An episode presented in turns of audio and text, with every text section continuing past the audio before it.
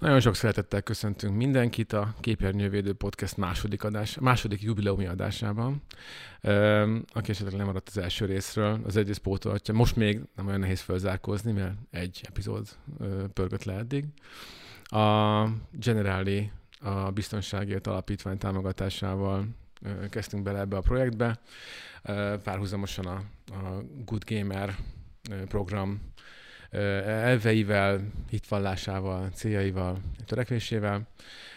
Egyszerűen sok év tapasztalata mondatta velünk, hogy, hogy van igény, és van, van mondani való, és hozzuk ezt össze egy fedél alá. Beszélgessünk azokról a témákról a szülőknek, gyerekeknek, pedagógusoknak érthető, fogyasztató módon, amik mindannyiunk számára meglehetősen húsba vágóak is a digitális élet különböző kihívásaihoz kapcsolódnak kihagytam volna valamit, vagy, vagy rosszul mondtam valamit, most javíts ki HP. Szerintem mindent jól elmondtál. Na, és ezzel, Egy... ezzel le is buktattam, hogy HP is itt van velem. Így van. Az eddigi, eddigi adások mellett ennyit extrapolálva állandó társam, mert másodszor ülünk itt együtt, viszont új a vendégünk. Régi új, kedves ismerős, Damsa Andrej, pszichológus, játékkutató, de majd szerintem még néhány szót, néhány szóval talán ő mutatja magát. Ő majd elmondja magát, igen, de akkor vágjunk is bele.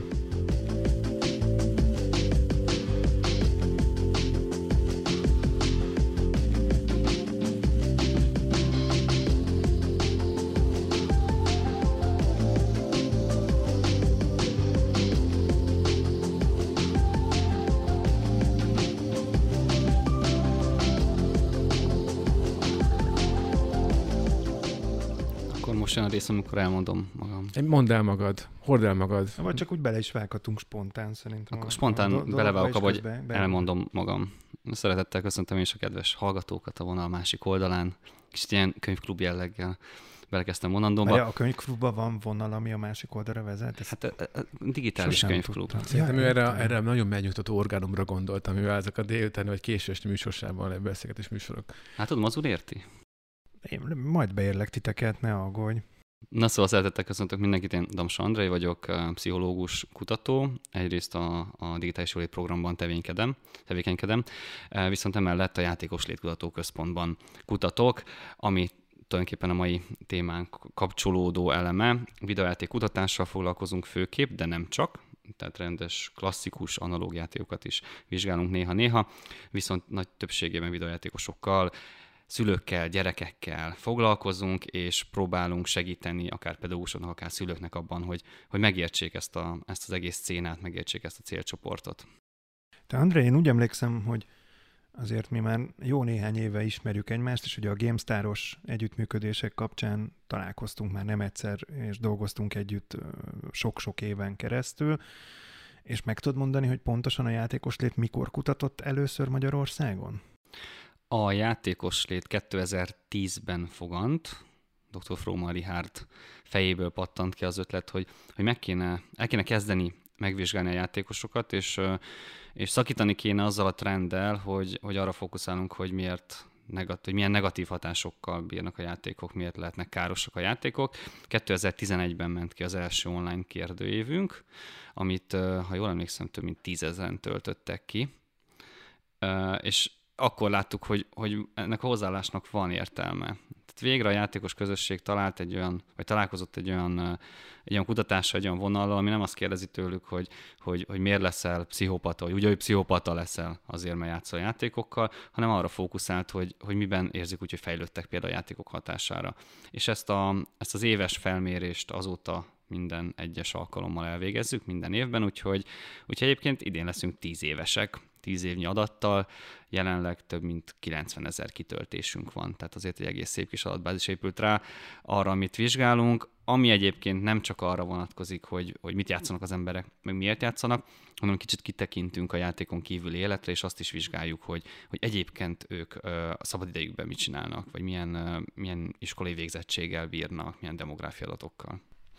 Ez a mostani kutatás azért ö, ö, volt talán különleges, mert ö, szülőket is, és, és a szülők játékos gyerekeit is vizsgálta, és ö, rögtön kezdem azzal az adat, ami nekem leginkább megmaradt az, hogy, hogy most már a, a, a szülők, akiknek ugye játékos gyerekei vannak, és akitől, akitől várnánk, hogy majd, majd veretes szólamokkal elpanaszolják a, a, azt, hogy a büdös képtelen felállni a Fortnite vagy a Genshin Impact elől. Na most ezeknek, ennek a szülőknek is már 66%-a játszik. Ez, a, ez, ez számodra is meglepő volt ennyire, vagy pedig te láttad már ezt jönni, hogy ezt a kiválóan fordított amerikanizmust él szembe ide? Annyit így, így előszónak mondanék, hogy most két külön kutatásról beszélünk. Ugye igen, igen. A, én eddig a játékos létkutatásra, a mi kutatásunkról, ami gamerekkel foglalkozik. Így van, így van, így van. A, Ezt nem mondtam, így van, tehát ez, az, ez most az Elnet által végzett kutatás, amiről előzőadásunkban is beszéltünk a, az egyik vezető kutatóval, de hogy mondja, te más, más szegmensét, más, más metodika szerint mérted, a, néztétek ugye a magyar játékosoknak, de hogy, de hogy például téged ez az adat, ez meglepette ebből a, ebből a mostani kutatásban, hogy 66% a szülőknek már játszik. Vagy nem hogy már ne, nekem úgy tűnt, hogy már, mert ez nekem egy szokatlan magas százaléknek tűnt. Számomra is magas a 66, de azt láttuk például a kutatásaink során 2011 óta, hogy emelkedik az átlag életkor, akik kitöltik ezt a kérdőívet. Tehát arra, arra azt a tendenciát láttuk, arra már számítottunk, hogy ez a, ez a korosztály ez így kezd eltolódni. De az, hogy 66% ez meglepett engem is, viszont ugyanakkor meg, ha csak így a saját példánkat gondoljuk végig, mi is gémerek voltunk, vagyunk, és, és, és növünk felfele. Úgyhogy igazából szerintem exponenciálisan fog nőni ez a, ez a történet. Most egy kicsit le, lelomboztál, most így hirtelen, mert öregnek érzem magam, és az el, elmúlt tíz év súlya nyakamba zuhant egy másodpercet, de igyekszem felülkerekedni az érzésem. Szóval mi az adatokon látjuk a, a, az életkori eltolódást, meg, meg picit szubjektív oldalról én így akár a saját baráti körömön, vagy ismerősi körömön is, is ezt érzem. Megfordult a fejemben, hogyha egy évtizeddel ezelőtt indult a ti kutatássorozatotok, és akkor még ugye kifejezetten kellett, vagy, vagy ti valószínűleg úgy érezhettétek az, annak alapján, amit mondtál, hogy, hogy valahogy módosítani kell a hozzáálláson, mert hogy eddig, ha kutattak is, vagy ha vizsgázták is ezt a célcsoportot, akkor leginkább ilyen negatív előítéletekkel, vagy, vagy egy ilyen ismeretlen, de, de inkább elutasító hozzáállással mentek neki, és nyilván nem sokat segített az a folyamat sem, hogy időközben azért a WHO kimondta azt az egészségügyi világszervezet, hogy igenis létezik játékfüggőség vagy problémás játékhasználat, de majd erről inkább a különbségekről meg szeretnénk kérdezni a te véleményedet. Na, amire végül is rá akarok térni, így egy nagyon nehéz körmondattal, hogy biztos, hogy tíz éve más volt a hozzáállás, és most látszik az elnetes kutatáson, hogy egy kicsit, mintha felvilágosultabb szülői réteggel lenne dolgunk, de a mégis a, a magának, a szakmának a hozzáállása szerinted milyen ez a kérdéshez? Hogyan módosult az elmúlt évtizedben az, ahogy szakmán belül gondolkodtok kutatók erről a játékos célcsoportról, vagy magáról a függőség az addikció jelenségéről? Alapvetően ezt összekötném a, a digitalizáció terjedésével. Nekem az a tapasztalatom, hogy, hogy attól fogva, hogy, hogy onnan, kez, onnan kezdve, hogy egyre több szakember elfogadta a digitalizáció betörését, és ezt az egész világot, amiben nem csak a videójátékok tartoznak bele, hanem a közösségi média, meg különböző online felületek, de tényleg itt a csillagosségig elmegy a határ, mivel ezeknek pozitívabb lett a, a megítélése, vagy legalábbis betört a hétköznapjainkba, ezért nekem az a tapasztalatom, hogy a videojátékokkal kapcsolatosan is egyre több olyan kutatás született, ami a pozitívumokra, a motivációra irányul. A függőség versus problémás videójáték használat esetében még mindig elég erős a szakmai vita. Az arra vonatkozólag, hogy, hogy hol húzzuk meg a határt, és, és hol kezdődik az egyik, hol végződik a másik. Én azt szoktam mondani, hogy, hogy a, a, én nem szeretem összemosni a függőséggel a, a, a problémás videójáték használatot. Játékfüggőség esetében egészen pici százalékokról beszélhetünk a populációra rávetítve, viszont problémás videójátékkal kell foglalkozni, és én, én ott szoktam meghúzni a határt ezzel kapcsolatosan, hogyha bármilyen hétköznapi rutinunkba, akár higiénia, akár munka, akár tanulás, akár szociális élet beavatkozik negatív szinten a, a, a játék, a videójáték, na akkor azzal már kell foglalkozni. Na, akkor itt térjünk rá egy gyakorlati kérdésre, ez jó? Ökölszabály, igen. Tehát, hogy ez egy, ez egy nagyon-nagyon fontos dolog, és itt szerintem érdemes lefordítani, azért nem titkoltan a Képernyővédő Podcastnek nem csak az a célja, hogy olyan emberekhez szóljon, akik itt most a kutatás kétharmadában edukált szülőknek nevezhetőek, hanem tök jó lenne, ha azok is magukénak éreznék az itt elhangzottakat, akik az egész jelenséget ilyen kicsit kívülről nézve, vagy ijedten, vagy riadtan néző szülőként semmiről nem tudnak, és ugye még az első adásban is dobáloztunk rengeteg olyan szakszóval és fordulattal, vagy zsargonnal, ami számunkra teljesen világosnak tűnik, és lehet, hogy mások számára nem annyira. De rengetegszer, amikor mi a, mi a Mazúra műsort vezettünk, különböző rócsókon, bűnmegelőzési fórumokon, iskolai rendezvényeken, a, talán ezt mondhatom, vagy play rendezvényeken, talán mondhatom biztosan, hogy mind a kettőnknek külön-külön is és közös színpadi élményeink között is ott voltak azok a tapasztalatok, amikor szülő kétségbe esetten jött oda, hogy a gyerekem egész nap a számítógép előtt ül, és mondjuk akkor éppen Fortnite az de lehet ez bármilyen más játék is, de hogy valamilyen lövöldözős vagy erőszakos videójátékkal játszik, nem tudok vele szót érteni, nem találom a hangot, szerintem elkalódik. Ingerültem válaszol, hogyha félbeszakítom. És egyenlőséggel az ő fejében biztos függő, mert ez pont ugyanolyan, mint a drogos. Na most erről mit gondolsz szakértőként? Egy ilyen szülőnek mit mondanál elsőként, amikor megfogalmaz egy ilyen felvetést? Nagyon sok ilyen esettel találkoztam, vagy szülő, vagy pedagógus, és az első dolog, amit, amit mondani szoktam ilyenkor, illetve nem is mondom, kérdezem, az az, hogy oké, okay, de mit csinál a gyerek a számítógép előtt? És nagyon sokszor jön a válasz, hogy hát hogy nyomkodja a billentyűzetet, meg valamit ott, nem tudom, beszél a mikrofonjába, de hogy nem tudják. És az a tapasztalat, hogy ha, ha a szülő elkezd érdeklődni a, az iránt, hogy a, a gyerek mit játszik, mert a gyermeknek ez egy, ez egy nagyon-nagyon fontos dolog. Lehet, hogy a szülő ebben csak egy, nem tudom, egy, szórakozási lehetőséget lát, vagy szabadidős tevékenységet, de a gyereknek ez egy rendkívül fontos dolog éppen akkor abban a szakaszban az életében, és hogyha elkezd érdeklődni a szülő, és tényleg rákérdez arra, hogy, hogy mit játszik, miért játsza ezt a játékot, nem lenéző, vagy nem ítélkező módon, hanem kíváncsian, az a tapasztalat, hogy egy-egy ilyen beszélgetésből el lehet odáig is jutni, hogy egyébként hogy vagy, és mi van az iskolában, és nem ez a mi volt a suliban semmi, hanem, hanem be lehet úgymond lépni a gyermek világába. Úgyhogy, úgyhogy szerintem az első lépés, vagy az első dolog, amit meg kell tenni a szülőnek, az az, hogy hogy kérdezzen rá a gyereknél, hogy, hogy mit játszik, és, és próbálj meg érdeklődni, vagy, vagy érdeklődve fel. De gondolom nem úgy, hogy igen, hogy mi ez a hülyeség már megint, amivel játszol. Ami hát ugye... ez nagyon nehéz egész. Tehát igen, ezt, ezt sokszor szülőként könnyű elfelejteni, és most mondhatom a magam példáján, mert én futottam már erre, erre az aknára, hogy, hogy még amikor az ember csak úgy viccelődik a, a gyerekével, vagy ilyen ugratós, ez egy csipköldös hangnemben is szól hozzá, az nagyon sokszor nem úgy jön le, ha egy gyereknek egy, az ő rajongásának egy tárgyáról van szó, tehát nem feltétlenül veszik a lapot, hogyha mondjuk olyan csipköldbe kérdezel rá valamire, amit, amiért most épessége rajong. És ez egy nagyon gyorsan éket tudán vetni, verni két ember közé, szülő meg egy gyerek közé, Úgyhogy nagyon nem mindegy, már ez sem igen. De, és az, hogy gyerek érezze azt, hogy ez nem álságos, hanem hogy valami őszinte érdeklődés van mögötte, és hogy nincs, nincs benne lekezelés. Ez, fú, ezt nem tudom én sem, hogy, hogy, hogy mennyire hangsúlyozzam, mert még akkor sem, hogyha amúgy, amúgy a szülő azt mondja, hát bennem nincs, hát szeretem a gyerekemet, csak ez a hülye játék. Na hát ez már, már egy tévút, vagy már egy, már egy ilyen, egy ilyen fals mellék, mellékvágány, vagy rossz vágány, mert hogy, mert hogy a gyerek pontosan azt érzi, hogyha, hogyha a szülő lenézi azt, amit ő csinál, akkor az ő szenvedélyének, szeretetének a tárgyát nézi le, és ez ugye ez egy sértéssel ér fel. Úgyhogy nagyon nehéz ezt esetleg lesz, le, le, le, gyűrni, visszafogni, de, de ennek ellenére meg kell próbálni valahogy nyitottan, tényleg őszintén érdeklődve.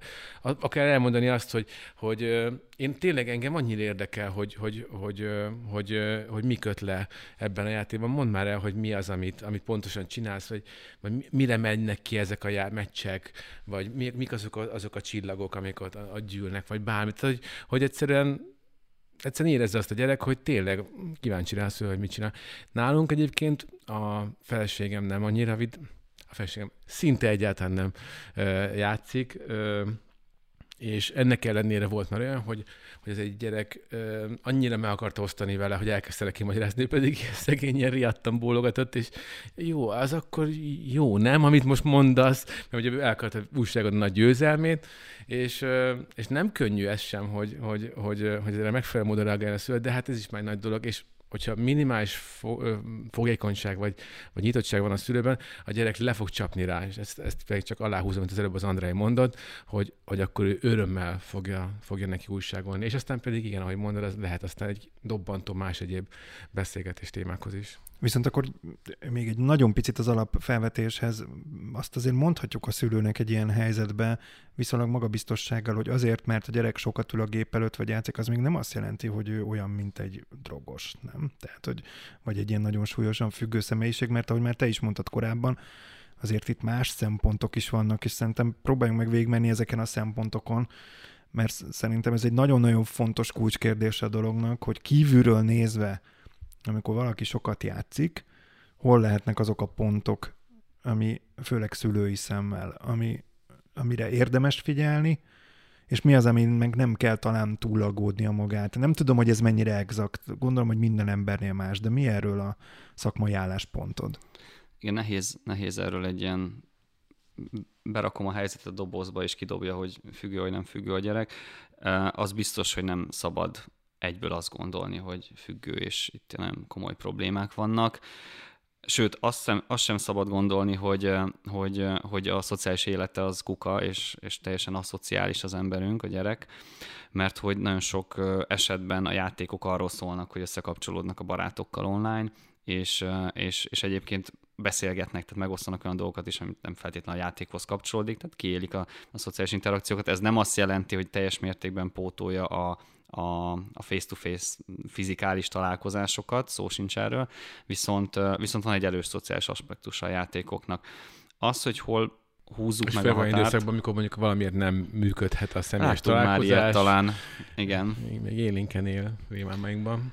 Úgyhogy nehéz meghúzni a határt, és, és azt sem merem mondani, hogy, hogy akár időre lebontva, nem tudom hány órát ül a gyerek a gép előtt, akkor mindenképpen forduljunk szakemberhez azokra a jelekre kell figyelni, amelyek, amelyek egyébként, amint mondtam, az élet változását jelzik. Tehát higiénileg nem figyel oda magára, romlik a tanulmányi átlag, kevesebbet találkozik a barátaival. Nyilván ez egy érdekes kérdés, mert ugye most beszéltünk arról, hogy igazából online is találkozhatnak, de hogy, hogy vannak olyan jelek, amiket azért észrevesz egy szülő, és ezekre érdemes odafigyelni, de nem szabad túl aggódni. Uh-huh, nagyon uh-huh. nehéz.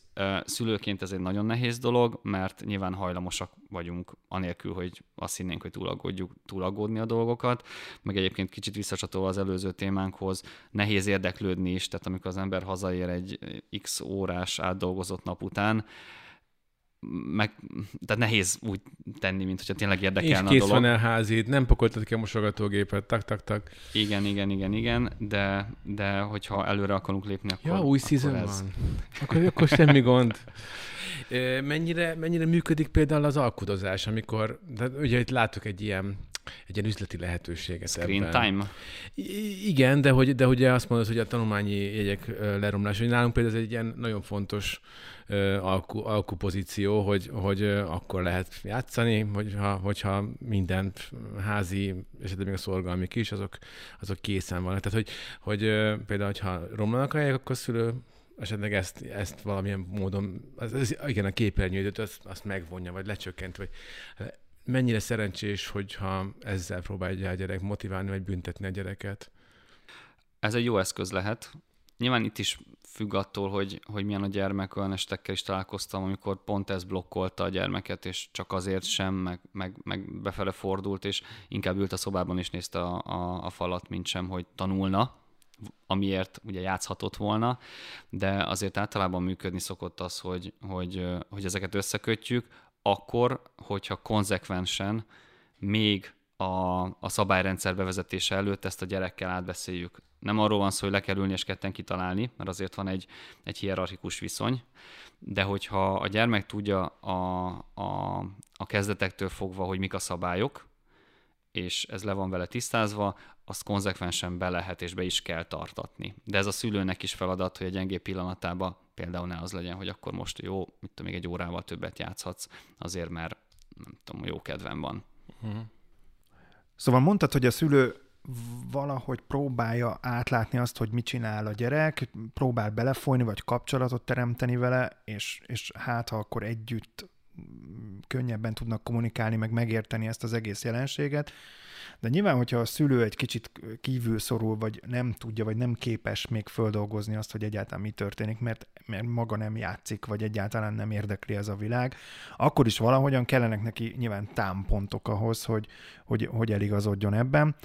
És a, én amikor egyszer volt egy nagyon érdekes beszélgetés, és megkockáztatom, hogy pont veled beszélgettünk még évekkel ezelőtt egy színpadon erről, hogy azok, a, a, amikor függőségnek tűnik valami, azok mögött milyen motiváció lehet. Ugye az, hogy én nagyon-nagyon sokat játszom, az lehet, hogy azért van, mert menekülök a valóság elől, mert nem vagyok boldog, mert bántanak, mert el vagyok nyomva, vagy egy titkos világ, ahol kiélhetem magam, ahol hős lehetek, meg vagyok valaki.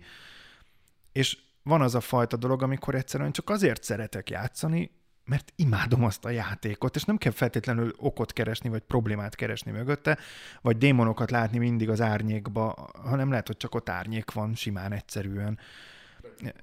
Vagy démon. Ugye ez benne egy nagyon nehéz dolog, ilyenkor kell dummal játszani, hogyha ha sok a démon a lakásban. De, de a kérdés az itt az, hogy mégis szerinted ezt, ezt hogy lehet feltérképezni, vagy hogy lehet különbséget tenni érdemben? Mert nyilván mondtad, hogy nem a játszott órák száma az, ami meghatározó, de akkor mi? A jeleken túl ki tudok még bogarászni valamit a motivációt illetően? Tök jól megfogalmaztad. Szerintem együtt beszélgettünk erről a témáról, még annó. Azért tudja jól megfogalmazni. Te, igen, tehát te fogalmaztad meg jól, igen. Ellopja a munkámat. Igen, igen, vigyázz. Um, jól megfogalmaztad, picit didaktikai jellegű ez a, ez a szétválasztás, de azt szoktuk mondani, hogy van a, van a külső hatás, amit egyébként úgy is szoktunk hívni, hogy eszképizmus, tehát amikor azért játszunk, mert valami elől menekülünk és a játék az a, az a safe space, az a védett környezet, amiben jól működünk, amiben lehetünk uh, sikeresek, amiben gyűjthetünk barátokat, de hogy ilyenkor a való élet az, az általában sajnos nem ilyen, pont ezért játszunk, illetve vannak a, a, azok a belső motivációk, amiket mi egész részletesen kutatunk egész régóta, amik, amik pedig belülről fűtenek, amelyek belülről hajtanak minket. Nyilván van átfedés a kettő között, tehát egy játék azért, azért menekülhetek egy játékba, mert ott olyan belső motivációs ráhatásokat kapok, ami miatt nekem azt tetszik és szeretem. Meg nyilván ez, ez valami uh, fordítva is lehet, hogy annyira szeretem a játékot, hogy már elzárkózom a külvilágtól lásd például a problémás videójáték használat, azt, hogy, hogy, hogy hogyan lehet ezt feltérképezni az elmondott jeleken kívül, hát ez ilyen, ilyen egy millió dolláros kérdés. De hát ezt nem feltétlenül tudja magáról sem az ember. Igen, ezért Főleg egy kamasz, aki, akinek még ugye egy felnőtthöz képest még inkább, ugye épp akkor a kamaszkorban alakul az én képe, meg, a, meg, a, meg az én azonossága, meg változik nagyot. Ö, adja magát a kérdés, hogy miért más ez egy felnőttnél és más egy gyereknél, amiért játszik, vagy amiért játszhat. Ezek a, ez az eszképizmus, vagy, vagy, vagy bármilyen más, amiket felsoroltál, ez ugyanúgy lehet motiváció egy szülőnek is, meg egy gyereknek is, amiért ő játszik. Abszolút, abszolút. A, jó, hogy behoztad ezt a szubjektivitás vonalat, mert nyilván vannak eszközök, amikkel fel lehet mérni a problémás időjáték használatot. Magyarországon is tök jó kérdőívek születtek, validált, bemért kérdőívek, viszont mindig előjön az, hogy kérdésként számomra az önbevallásos dolgoknál, hogy, hogy mennyire torzítunk. És nem feltétlenül azért torzítunk, mert akarunk torzítani, mert át akarjuk verni a kérdező biztost, vagy át akarjuk verni azt a tesztet, amit kitöltünk, hanem azért, mert, mert lehet, hogy mi is azt hiszük magunkról. Tehát a mi realitásunkba válaszolunk őszintén, de az nem az a realitás, amit mondjuk a többiek látnak. Úgyhogy, úgyhogy ezért, ezért szoktam azt mondani, hogy érdemes viselkedésre fókuszálni, és megnézni azt, hogy mi történik, nem az, hogy mondjuk mit gondol egy játékos, vagy mit gondol egy, egy szülő. És akkor kanyarodjunk át egy picit pozitívabb mezőkre, a motivációhoz. Nekem ez, ez egyik kedvenc témám, és említettem, hogy nagyon régóta kutatjuk, úgyhogy, úgyhogy nagyon sok mindent láttunk már ebben a témakörben. Alapvetően azt, azt mondjuk, és van is egy ilyen alaptézisünk, hogy, hogy a játék azért működik, mert a, a, a világ, a való világ egy tökéletes változata. Vannak benne jól definiált célok, vannak benne elérhető jutalmak, olyan feladatokat kapunk, amelyeket úgy szoktam fogalmazni, hogy, hogy picit frusztráltan, de meg tudunk oldani, tehát a flow élményt kialakítja, nagyon szép kerettörténetek vannak, amiben bele tudjuk élni magunkat. Tehát, hogyha a világ úgy működne, mint egy játék, akkor, akkor nagy eséllyel nagyon sokan nagyon boldogok lennénk, de sajnos nem működik, mert a... Hát játéka válogatja. Igen, attól tudnánk azért mondani egy-két olyan játékot, ami elég bagos ahhoz, hogy hasonló legyen a mi világunkhoz. Um, igen, most a, a befutott mainstream elfogadott és jó Értjük, értjük, nehogy, ne, nehogy hogy kizökkentsünk kapott játékokra gondolok. A két vén szemét vagyunk a Muppet Show-ban, tehát ne is, ne is foglalkozz velünk. A, na, tehát a maga a játék az egy, az egy tökéletes környezet az agyunknak, meg a, az érzelmi világunknak is úgymond, meg hát ugye a, a, mióta van online tér a szociális aspektusa, meg hát lampartik azelőtt is voltak, tehát, tehát azért ez a, ez a része is megvan. De hogyha megnézzük a motivációt, tehát térve meghúzod a motivációt, akkor három nagy kategóriát fedezhetünk fel, amiért játszanak a, a játékosok. Ezt picit úgy kell képzelni egyébként a személyiséget. Nincsenek tiszta kategóriák, tehát nincs olyan játékos, aki csak az egyikért, vagy csak a másikért játszik, de azt ki lehet mutatni, ki az, akinél valamelyik dimenzió dominál. Ez a három fő dimenzió a, a teljesítés, teljesítő játékos az, aki a ranglista elején akar lenni, meg akarja szerezni a legjobb kardot, a legtöbb pontot, és a többi. Biztos ismertek ilyet.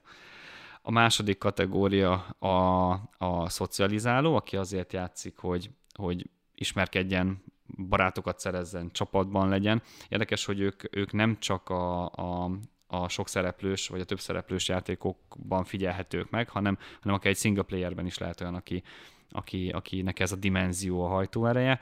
Tehát a... aki például Baldur's Gate-ben ügyelt arra, hogy a, a kis kuporgatott aranyaiból a legjobb Firewine-t, meg mi egyéb alkoholokat vette meg a, a szeretett csapattársainak, amikor betértek a fogadóba a nap végén, akkor teljesen másokkal nem volt, csak hogy örüljön a, az a De hogy azt mondod, barát. Azt mondod, hogy ez gyakorlatilag, ez a fajta társas lény mentalitás, ez NPC-kkel, vagyis, vagyis virtuális karakterekkel is működik, tehát nem feltétlenül Igen, má- Érzelmileg kötődsz a hanem, hanem mondjuk játszol egy fantázia játékban, egy, mit tudom én, egy Witcher, mondjuk azt vegyük alapul, mert az egy, abban is rengeteg ugye emberi kapcsolat, meg viszony van, és, és, és azt még én is éreztem, meg, meg éreztem magamon, én a feleségemmel együtt játszottam vég, még egyszer a Witcher-t, illetve ő játszotta végig, és én néztem, és azt láttam rajta, hogy főleg most már olvassa a könyveket, olyan hatással volt rá a játék, és olyan szinten elkezdett kötődni a karakterekhez, hogy most a könyveket még hatványozottabban éri meg, hogy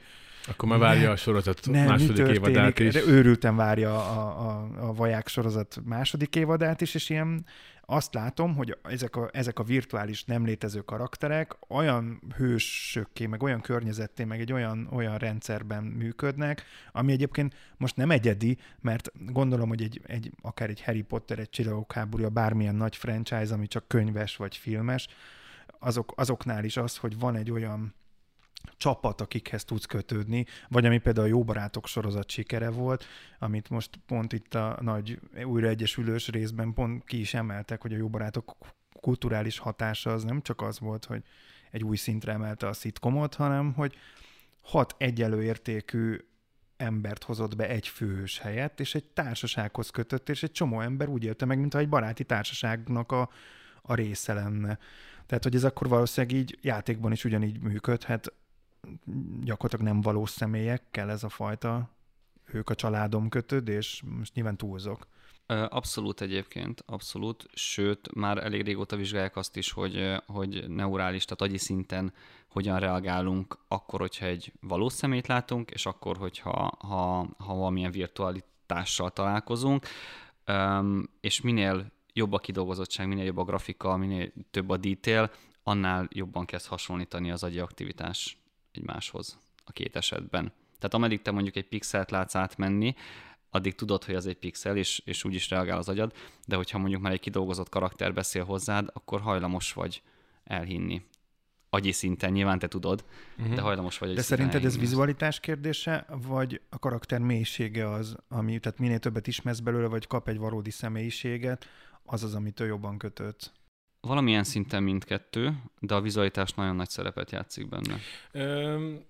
Hát én egészen biztos vagyok benne, hogy, hogy játéka is válogatja, mert ugye voltak azok a, a nem véletlenül mondtam az a Baldur's Gate-et, de, de pont a BioWare-nek később ugye a, a, a Mass Effect sorozata szintén híres volt arról, hogy ott nagyon élő és döntéseit függvényében egészen radikális fordulatokat ve, vehető, mindegy, kapcsolat alakulhatott ki a, a csapattársaiddal, és ott is emlékszem, hogy amikor, amikor a hibás döntések eredményeképpen elvesztette egy csapattárs, és végig kellett nézni, ahogy, ahogy nem tudod már megmenteni, vagy épp az, hogy, hogy közel kerültek egymáshoz, mennyit, mennyit tudott jelenteni. De ott mondjuk nyilván ez, ez célja is volt annak a játéknak, hogy rá is mentek el, tehát ez több, mint az, hogy valaki csak ránéz egy, egy, kép, egy virtuális képre, gondolom, hogy ez a vizsgát inkább ezt kutatta, ott, ott, ott narratívájában is ez fel volt volt építve, elő volt készítve, úgyhogy Gondolom ezért kérdeztél bele, mert ott, ott a Baldur's Gate-ben nem voltak még olyan, olyan nagyon komoly életszerű beszélő karakterek, csak képek és, és pici pixel figurák,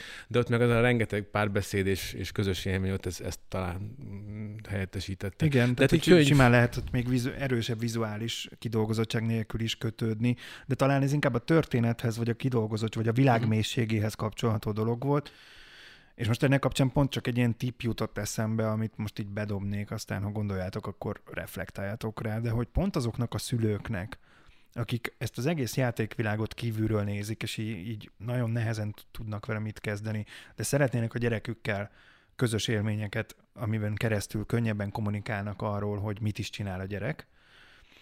Én azt gondolom, hogy így most bedobhatnánk pár címet, hogy mi az, amivel, amit együtt érdemes játszani, mert nekem eszembe jutott, hogy rengeteg olyan történet alapú, viszonylag egyszerűen irányítható játék van, amivel hatalmas, majd hogy nem ilyen sorozatszerű vagy filmszerű élményeket, nagyon, nagyon könnyű vele azonosulni. És nekem eszembe jutottak a Telltale kiadó által, illetve fejlesztők és kiadók által ö, megalkotott és piacra dobott játékok, amik egyébként jó részt ismert televíziós franchise-oknak a feldolgozásai voltak, a Walking Dead, a Game of Thrones, Batman. a Batman, amiket szerintem érdemes játszani. Egyébként PC-n magyar feliratok is készültek hozzá rajongói változatban, de konzolon azt hiszem hivatalosan csak angolul lehet játszani, de nyelvgyakorlásnak se rossz. Aztán ott van még a, ami szerintem nekem az egyik legnagyobb élményem volt a PlayStation-re a Detroit Become Human című játék, ami ami szerintem olyan, mint egy sorozatot néznél. Tehát ezt lehet úgy... Most már értem, a, tehát nem kooperatív közös játékra gondolsz, hanem nem, úgy, hogy talán csak mint közösen megélhető játékélmény. Igen, cáfoljatok meg, lehet hogy, lehet, hogy ez hülyeség, de hogy én azt gondolom, hogy egyébként az első élmény, amikor passzívan nézel egy játékot, hogy egyáltalán mi ez. És arra szerintem nagyon jó, hogy be tudsz így vonódni, és közösen hoztok döntéseket, és egy következő lépés lehetne az, hogy együtt is játszatok.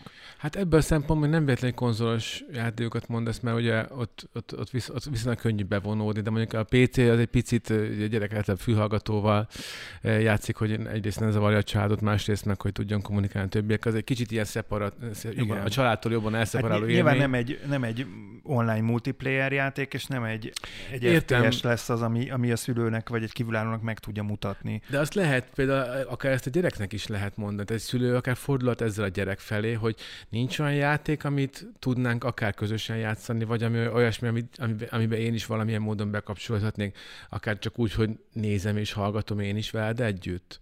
Tehát ez például felteheti nyugodtan egy szülő egy gyereknek, vagy megkérheti rá, hogy játszál már valami olyan játékkal, ami, tehát úgy, hogy szívesen megnézném valami olyan játéknak, aminek van, van valami eleje, közepe, vége, nem úgy, mint a Fortnite-nak, ami tényleg egy ilyen végtelen, végtelenített ö, ö, játékfolyam, hanem egy, egy történetet vagy, vagy van is átélni. Ö, ilyenekből, igen, ilyenekből van, van még néhány, de egyébként például PlayStation-re és Xbox-ra is vannak olyanok, amik, amik ugye magyar felirattal is készültek, talán például az Ori ilyen, az, az mondjuk az, az, ez egy inkább egy ilyen ügyességi, nehezebb játék, és arányaiban kicsit kevesebb a történetrész, de például a Last of Us volt olyan, ami, ami, egy, ami egy nagyon komplex, nagyon nehéz, kemény történet, bár ez nem hiszem, hogy, hogy bármilyen kortól már ajánlott. Nem is tudom, 16-os vagy 18-as. Nekem a, a, a konkrét Genie jutott eszembe. Nagyon jó példa. Mert hogy az egyébként egy olyan témát is dolgoz fel, ami rendkívül aktuális. A, ez hibátlan a... példa. Azt hiszem, az magyar, és van is magyar felirat hozzá. Azt nem tudom, én nem hiszem, hogy magyar feliratos PlayStation-os játék, de van, és, de van magyar felirat. Hát általában, amik PlayStation konzolra a saját first party címek, tehát ugye a, a, a maga a, a Sony által gondozott címek, azoknak általában van magyar feliratuk, és ilyen szempontból, és általában ezek a játékok történ, erősen történetorientáltak is, hiszen ezért van értelme magyarítani őket. Miatt így szerintem érdemes ezen a fronton is próbát tenni. Igen, van hozzá magyar felirat. Van hozzá magyar felirat. Na, szuper. Oké, tehát hogy akkor Concrete Genie, igen, ezt is, ezt is tudjuk javasolni. Na és bocsáss meg, hogy elkanyarodtunk, de hogy alapvetően, tehát ez a szá- karakterekhez és történethez való kötődés, szerintem ez egy baromi erős motiváció, és ez egy nem hardcore játékost is nagyon-nagyon könnyen meg tud szólítani. Hát akár a játékok szeretete felé is el tudja érinteni, mert ezen keresztül, és ez az, ami leginkább kapcsolja a játékokat a filmekhez, könyvekhez. És nem véletlen, hogyha belegondoltok, hogy a Netflixnek most két törekvése van azon kívül, hogy akarják ezt a mobiljátékos üzletágat csinálni, amit most olyan, amilyen, tök mindegy. De hogy alapvetően a Netflix már kísérletezik azzal egy ideje, hogy az interaktív film vagy sorozat, és hogy magával a távirányítóval, vagy egy okos telefonnal hozol döntéseket közbe, és annak fényébe megy a történet. Ez nincs messze attól, kicsit mint régen a kalandjáték kockázat könyvek voltak, ami, ami egy generációt meghatározott itt a 90-es években, és a teltél játékok is nagyon hasonló elven működnek, tehát hozol egy adott ponton egy döntést, és annak az elagazásainak a gyakorlatilag a következményeit kell végignézned, és nem tudsz mindent megváltoztatni, de bizonyos döntésekre hatással vagy. Szerintem ez önmagában is egy motivációs erő tud lenni, hogy akarom tudni, felfedezni akarom, hogy mi történik a történettel, ezt a világot meg akarom ismerni. És megérkeztünk a harmadik motiváció. És akkor át is adnám a szót. Dimenzió. A világ leghosszabb felvezetése volt, de jól csináltad. A, ugye beszéltünk a, a teljesítményről, beszéltünk a, a társasági életről, a szocializációról, és a harmadik a felfedezés. Uh-huh. Ami egyrészt azt jelenti, hogy felfedezzem a világot, amiben zajlik a játék, bejárjam a térképet, minden kis zegzugát, és, és olyan helyekre jussak el, ami, ami akár ilyen easter egg jelleggel van, van berakva, vagy pedig felfedezem a sztorit, és megtudjam azokat az infókat, amiket lehet, hogy más nem tud meg. Tehát ez egy, ez egy, ez egy rendkívül erős, erős dimenzió, olyannyira, hogy azt hiszem, kettő vagy három évvel ezelőtt a, az egyik felmérésünknek összegeztük így, így országos szinten a, az eredményét, 8000 kitöltő volt, ha jól emlékszem, és a három dimenzió közül a felfedezés volt a legnagyobb magyar populáción, utána jött a társasági élet, és utána a teljesítmény. Én magam példájából is ezt mondtam volna. Tehát én például World of Warcraft az, ami ugye a leg, legszerteágazóbb ilyen szempontból, mert ugye abban minden aspektus jelen van, és akár ugye a szociális, akár a győzelem, győzelem vagy a másik föld felülkerekedés igénye, fel, a karakter fejlődésének a megélés egyre erősebb, a képességeket szerzel, de már emlékszem, máig az, az volt a legnagyobb hogy mindig, amikor, fel, amikor jött egy új kiegészítő, és bevezettek új helyszíneket, akkor először belovagolni, bejárni ezeket, és így nézni tátott szája, hogy ú, a, ú, meg á. Tehát ez, a, ez, egy, ez egy hatalmas élmény tud lenni. Én csak alá tudom írni ezt, hogy ez egy fontos Ugyanakkor viszont ebben a Good Gameres kutatásban, ami számomra érdekes, hogy ugye ott platformként a telefon, okos telefon jött ki erősen, és ezt mindannyian tudjuk, gyakorlatilag majdnem minden kutatás alátámasztotta azt, hogy évről évre nő az okostelefont felhasználó játékosok tábora, ahol azért mondjuk lássuk be, hogy valószínűleg nem a történet alapú, vagy, vagy hatalmas nyílt világú felfedezős játékok mozognak. Hát mára már nem feltétlenül. Mára már nem feltétlenül. Korábban ugye ilyen falatnyi élmények voltak a mobil játékok, de egyrészt ugye az utóbbi évben pont a Teltél, akit mondtál, ők is ugye minden játékokat már kiadták Android, iOS platformokra, táblagépekre is, illetve hát szóba került már az is, hogy például a, a, az Xbox Game Pass szolgáltatás keretében van ez a cloud gaming, amikor ugye már mobileszközökön is játszhatsz Xboxos hogy hívják ezt, egész estés játékban, hogy teljes értékű Xbox játékokkal, touch control a telefonon. Tehát, hát, ugye az én fejemben még mindig az van, vagy, vagy nem tudom, ugye a legutóbbi podcastben is erről azért úgy szó esett, hogy feltetően nagyon sok szülő, még a szókeresőzés, vagy a valamilyen Candy három, Crush. három Candy Crush, vagy valami három dolgot, ami azonos színű összerakok és eltűnik típusú játékoknak a megszállottjai de hogy az ő horizontjukat is nyugodtan lehetne tágítani az ilyen történet alapú játékokkal, csak igazából nem tudom, hogy ez a platform használat és a, a motivációs mérce, vagy a motivációs népszerűségi lista, amit te mondtál, hogy ez vajon mennyire van pacekban egymással, mert hogy olyan, mintha azért rengetegen játszanak okostelefonon, és mégis a, a felfedező motiváció a legerősebb. Nyilván nem egy mintavételről beszélünk, így azért nehéz, tehát én most összemostam fejben két kutatást, de nálatok a platformokról tudsz valamit mondani, hogy mi a legutolsó adat, amire emlékszel játékos létkutatásból? Hát mi azért, azért főképp hardcore, vagy legalábbis régi vágásúbb gémereket érünk el. Mi is látjuk azt, hogy jön fel az okostelefon, viszont azért nálunk általában a PC vagy a konzol, és jellemzően a PC per laptop, ez most ugyanazt értem alatta, dominál, viszont érthető az okostelefon, hiszen azt bárhol el tudjuk vinni magunkkal. Tehát azért a konzolnál, meg a PC-nél megvan az a rituál, hogy le kell üljünk mondjuk egy székre, és akkor ott toljuk. Mondjuk a, egy székre, igen. A, a telefon meg, meg velünk lehet a metrón, a suliba, bárhol gyakorlatilag. Tehát, tehát valószínűleg az elérés miatt van ekkora forja az okostelefonnak, illetve hát igen, a játékok is, is nagyban változtak, illetve még annyit fűznék hozzá, hogy hogy ezek a, ezek a motivációs erők ugyanúgy meg lehetnek egy, egy, egy viszonylag egyszerű játékban, tehát a Candy Crushban is például ott van egy térkép, amit fel lehet fedezni. Meg ott vannak új, új nem tudom, addonok, amiket ha felhasználsz, akkor másképp robbannak fel a cukorkák. Tehát ezek ilyen, ezek ilyen horizontális történetek, és nem feltétlenül kell mondjuk egy, egy keret történet, egy sztori ahhoz, hogy te elmerülj felfedezőként a játékban, lehet, hogy egy, egy, egy egyszerű történet nélküli játéknál is vannak olyan elemek, amikre te rájössz, és ezáltal úgy érzed, hogy felfedeztél dolgokat. Uh-huh, uh-huh. Ha meg mondjuk olyan játékkal játszotok, ami, ami, ami több szereplős és együtt vagytok benne, akkor, akkor gyakorlatilag az is a játék történet, ezt az, az a közös sztoritok, ami, ami ugye a megosztott játékélmény.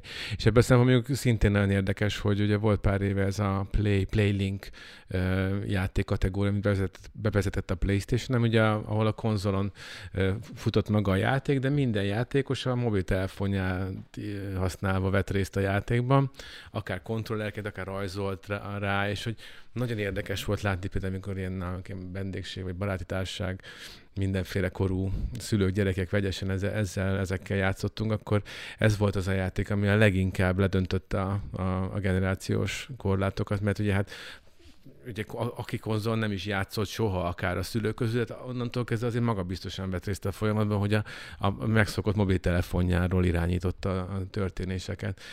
Akár egy javaslatként ezt is, ezt is fel lehet vetni, hogy például is olyan lehet, ami, ami meglepően élvezet, szülőnek, gyereknek egyaránt meglepően élvezetes közös élmény lehet, ami aztán meg rengeteg közös beszélgetés, meg egyéb kiindítója lehet. Egy kicsit nézzük meg még szerintem azt, hogy mivel játszunk Magyarországon. Ugye erre kitért ez a kutatás is, az ELNET által készített kutatás, illetve a játékos lét is évek óta vizsgálja. Ebbe, Andrej, ti, ti hogy látod, vagy hogy látjátok, a, változnak-e a különbségek, vannak-e most kedvencek, mi az, amivel most a legtöbb fiatal játszik, mi az, amivel a szülők játszanak, esetleg van erről bármilyen adatunk? Összecseng a két kutatás egyébként. Talán picit más sorrendben, de, de a top 10 az, az körülbelül nálunk is ugyanez.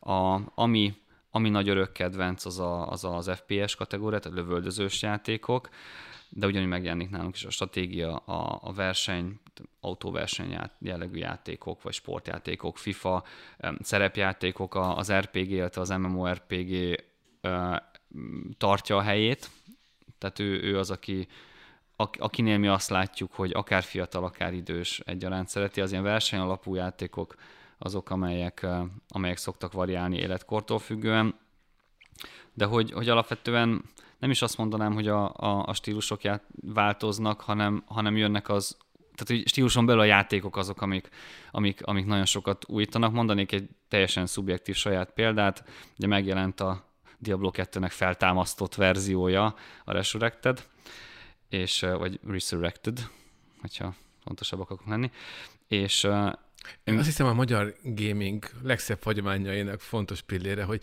nem szabad helyesen mondani a játék angol címét, hogy kérlek engedd el magad. Szuper. A, na és most tehát úgy hozták vissza a játékot, hogy igazából csak egy, egy ilyen vizuális tuningot kapott, meg nyilván a konzol miatt a, a kontroll egy kicsit más, de hogy alapvetően a dinamikája az elvileg ugyanaz, mint ami volt úgyhogy én végigjátszottam a mostani fejemmel azt a játékot, amiben írdatlan mennyiségű órát töltem bele még nem tudom 20 évvel ezelőtt, és, és, és teljesen más játékélményt adott, mert hogy olyan, picit az volt az érzésem, mint hogyha most egy ilyen indie játékfejlesztő összerakna egy szerepjátékot, és kidobná a piacra. Pedig azért nem erről van szó. Nehezebb. Akkor a csúcsok csúcsa volt, igen. Nehezebb, nincs mindig info arról, hogy mit kéne csinálni, nem rágja a számba azt, hogy, hogy merre kell mennem, meg, meg egyáltalán így mi az, ami, ami a feladat. Úgyhogy, úgyhogy én magabiztosan mondom azt, hogy egy kategórián belül változtak nagyon-nagyon sokat a játékok, és, és ez visszacsapódik a generációkon is. Én így, ha megengeditek, így már majd, hogy nem lezárásképpen felvetnék még egy kérdőjelet, ugye a kicsit keretes szerkezettel, mert hogy az elején azért beszéltünk arról, hogy van a klasszikusan a függőség, van a problémás játékhasználat, de hogy ezt, ezt tudnál csak egy mondatban meg tudod fogalmazni a kettő között a különbséget? Lehet ezt egyáltalán egy mondatban megfogalmazni? Um, hát itt inkább ilyen, ilyen definíció jellegű dolgokra tudnám elvinni ezt a kérdést. Összemosódik erősen a határ. A, a függő... Amit mondtál, a hétköznapi élet, hétköznapi teljesítmény és elvárás, kötelezettségek teljesítésével kapcsolatos ö, ö, elmaradások és, és, és, ö, és Igen, hiányok. de hogy ez, nem lehet, hogy ez, a, ez lehet a fájdalom ez pontja ennek? A, abszolút, viszont itt úgy kell ezt elképzelni, mint egy, mint egy skálát, aminek az egyik végén, a belépő végén van a problémás videójáték használat, a, a, a másik végén, az eltolódott végén pedig a függőség. Uh-huh. Tehát maga a, az a kontextuson belül tudjuk vizsgálni ugyanazt. Tehát ugyanúgy megjelennek a, a napi szintű rutinokhoz kapcsolódó, nem tudom, romlások, nem tudom jobban megfogalmazni, mm. de ameddig ez a problémás videójáték használatnál Maga, egy enyhébb verzió. Aggasztó kitérések az elvártól, Igen, igen, tehát nem arról van szó, hogy nem megyek be az iskolába, hanem arról van szó, hogy a négyes átlagomat le, lerontottam mondjuk, nem tudom, kettesre vagy hármasra, ez lehet problémás időjáték használat. A függőség meg az, amikor már, már konkrétan megjelenik a, a, a bizonyos feladatokhoz köthető, tehát a feladatok el nem végzéséhez köthető viselkedés. Egy szülő nagyon kétségbe esetten keresi az okokat, amikor úgy érzi, hogy problémák vagy bajok vannak a gyerekkel. És, és nagyon könnyen ugrik szerintem a, a, a, arra a bizonyos vélt vagy valós démonra ott az árnyékban, mert, mert és ebben a szempontból gondoljunk bele, hogy nem hiszem, hogy nagyanyáink, dédanyáink, anyáink esetében ne lett volna valami, ami miatt sóhajtoztak volna a szülők, nem. hogy ez... ez a gyerek, ez, hát ezzel a nyomorult írótáblával vacakol egész nap, tiszta krétapor, minden meg elhanyagolja a veteményest. Tehát, hogy, hogy mindig volt valami, ami miatt ugye más gondolati struktúrában, értékrendben deviánsnak tűnt a gyerek, és vettődött a szülő arra, hogy csak azt akarom mondani, nem egy igazságot akartam megállapítani, hogy hogy azért óva inthetnénk a szülőket, és én magamat is óva intem attól, hogy, hogy, hogy rögtön démonizáljon bármit, illetve hogy, hogy óvatosan próbálja ezt föltárni, mert pont a kamaszkorban ezek a, ezek a különböző kötelezettségek azoknak, a, azoknak az elkerülési hajlandóság, próbálom szépen fogalmazni, az ugye, vagy, vagy azok elhanyagolása, stb. az, az azért elő-elő bír fordulni sok egyéb más dolog miatt is, nem csak a játék hát miatt. Akkor egyszerűsítsük le ezt a mondatot, tehát nem kell videójáték ahhoz, hogy tinédzser korában a gyerek hülye legyen, hanem képes ezt magától is bármikor produkálni. Vagy fura, igen. Vagy fura. És most bocsánat, hogy ezt így mondtam, de hogy értitek, mire gondolok, azért nyilván van, van alapvető ilyen, ilyenkor hormonális, meg mindenféle olyan változási problémák, amivel szembe kell néznie egy gyereknek. Én sem voltam jó fej kamaszkoromban, szerintem senki nem tud teljesen Kamaszkorában senki sem jó fej, ez van. voltak. A... Tehát ez ilyen, ez ilyen buli, úgyhogy ezen át kell menni, viszont... Lehet, hogy épp a videójátékok, lehet, hogy a szülő azt érzi, hogy a, túl sokat játszik fel, de gyerek, ahogy mondtad például, abban menekül, és lehet, hogy az már részéről egyfajta vissza, egy útkeresés visszafelé, hogy, hogy valahogy kilábaljon azokból a rossz, negatív tapasztalatok, élményből, amiben egyébként benne lenne. Szóval... Viszont most mégis az ördög ügyvédje vagyok, tehát tételezzük hogy mégiscsak baj van. A szülő próbál utat találni, nem sikerül áttörni a falat, a gyerek kallódik, pont ezen a kicsit megfogalmazhatatlan határmesdjén mozog, hogy még, még, még nem teljesen csak a szobájában zombiként ülő ember, és még mondjuk kimegy megmosakodni, de már minden a szülő teljesen kétségbe van esve, hogy valami nem stimmel, és mondjuk már elhanyagolja magát, vagy már nem megy be mindig súlyba, vagy vannak jelek, amik, problém, amik tényleg problémások és ijesztőek. Mit csináljon a szülő ilyenkor? Szakemberhez kell fordulni, pszichológushoz kell fordulni, és nem is feltétlen kell olyan pszichológushoz, aki mondjuk videojátékokra van szakosodva, mert azért egy ilyen esetben valamilyen háttérmechanizmus húzódik meg, amit, amit, amit fel kell deríteni. Érdemes az iskolapszichológusnál kezdeni, hogyha van ilyen, általában van. Uh, onnan pedig valószínűleg át lesz irányítva a szülői szakemberhez, de lehet egyből szakembernél is kezdeni nyilván, de hogy... Sokan, sokszor a gyerek szabotálja az iskola a pszichológus, mert fél, hogy kiderül, és az osztálytársai vagy iskolatársai meg, megszólják emiatt, úgyhogy esetleg a szülőnek erre érdemes lehet tekintettel lenni. Igen, mindenképpen, de hogy itt egy jó szakember fel tudja tárni azt, hogy, hogy mi van mögötte, és, és sok esetben a, függőség lehet egy tünet, vagy a problémás videójáték használat lehet egy tünet, valami olyan probléma miatt, amit, amit aztán meg lehet szépen oldani. Uh-huh. Tehát az eszképizmus az egy teljesen érthető valami, de hogyha nagyon menekül, akkor az annak a tünet, hogy valami elől nagyon menekül, és ott inkább máshol kéne keresgélni. Tehát a, a, a nagy többség Csak értelmezem, gamerek... nem okoskodok. Nem, nem, nem úgy tűnik, de én is így hangosan gondolkodom most. Abszolút, abszolút jól látod. A gamerek nagy többsége azért nem használja, tehát nem problémásan használja ezeket a, ezeket a játékokat, úgyhogy ott, ahol megjelenik ez a, ez a történet, ott, ott utána kell nézni, hogy miért. Ha te most az ördögügyvédje vagy, akkor, akkor viszont megengedem magamnak még ezt a, ezt a, a, a másik oldalra még egy, még egy plusz gondolatot, hogy azért ezt nem szabad elfelejteni, hogy miért lesz mondta egyszer, hogy ez nem is jó játék, ami nem okoz függőséget. És nyilván ugye ezt kicsit viccesen mondta, vagy kicsit ilyen, ilyen viccelődve mondta arra, hogy, hogy önmagában az még nem rossz, hogy egy egy jó könyv is akkor jó, ha nem, ha nem könnyen teszi le az ember. Tehát, hogy egy, egy jó játékban tényleg könnyű belefeledkezni, és ebben még nincs magában semmi rossz. Igen, azért ez valószínűleg itt a, kamp- a kampányszerűségét az egésznek érdemes figyelembe venni, tehát, hogy szerintem mindannyiunk életében legyünk őszinték. Volt egy olyan pár hét, amire nem vagyunk büszkék, utólag olyan nagy játék megjelenések, amikor tényleg egy, egy hétvégén keresztül... Pár hét. Ö, vagy hát mondjuk a, a Vovot azt nem ismerem föl. Mint Ozzinak a 80-as évek. Igen, úgy maradt ki. De hogy nyilvánvalóan ez kinek mi volt, minden korszaknak megvoltak azok a problémás játékhasználói, a Pac-Man verseny, kényszeres Pac-Man versenyzőktől kezdve a Imperium Galaktikát heteken át keresztül egy kisgatyában játszó egyetemisták a szorgalmi időszakban, a, a World of Warcraft az a világ legnagyobb MMO-jának a térhódítása, és generációk elpusztítója. De hogy mégis olyan csodálatos élmények ezek, és itt ülünk mégis, és én most éppen nem akarok annyira játszani, szóval én azért azt gondolom, hogy, hogy funkcionálunk, nem? Tehát, hogy ezek túlélhető dolgok. Hát persze, meg az, hogy, az, hogy néha be, belefelelkeztünk, hogy ez, ezzel azért lehet, erre azért lehet türelemmel, vagy, vagy hát erre lehet megértéssel tekinteni. Nyilván nehéz sokat szorra és újra óvatosan kihúzni a gyereket, vagy, vagy mindig, mindig egy ütközési pont, amikor az, hogy, hogy na, meg fél óra, például például ez egy jó trükk, ugye erről is egy, egy színpadi beszélgetésen szó esett, hogy ne, nem azt mondjuk, hogy még föl, nem, ezt a meccset még lejátszható. Tehát ilyen apró trükkök vannak arra, hogy ügyesen találjuk meg a mondatot, mondat végén a pontot, de nehéz. Azt hiszem most is kicsit nehezen találjuk meg a pontot, úgyhogy inkább akkor köszönjünk el egymást. Szerintem pont itt van. A pont, pont. pont itt van a pont. A pont, pont, pont. Jó, nagyon szépen köszönöm, Andrej, hogy, hogy beszélgettél velünk, és, és fó, hamarosan ismét nekiugrunk egy témának. Nem spoilerezek, de de van, maradtak még feltörendő kemény diók. Na, köszi mindenkinek, hogy hallgattatok minket, jövünk még. Köszönjük, sziasztok! Köszönjük, sziasztok!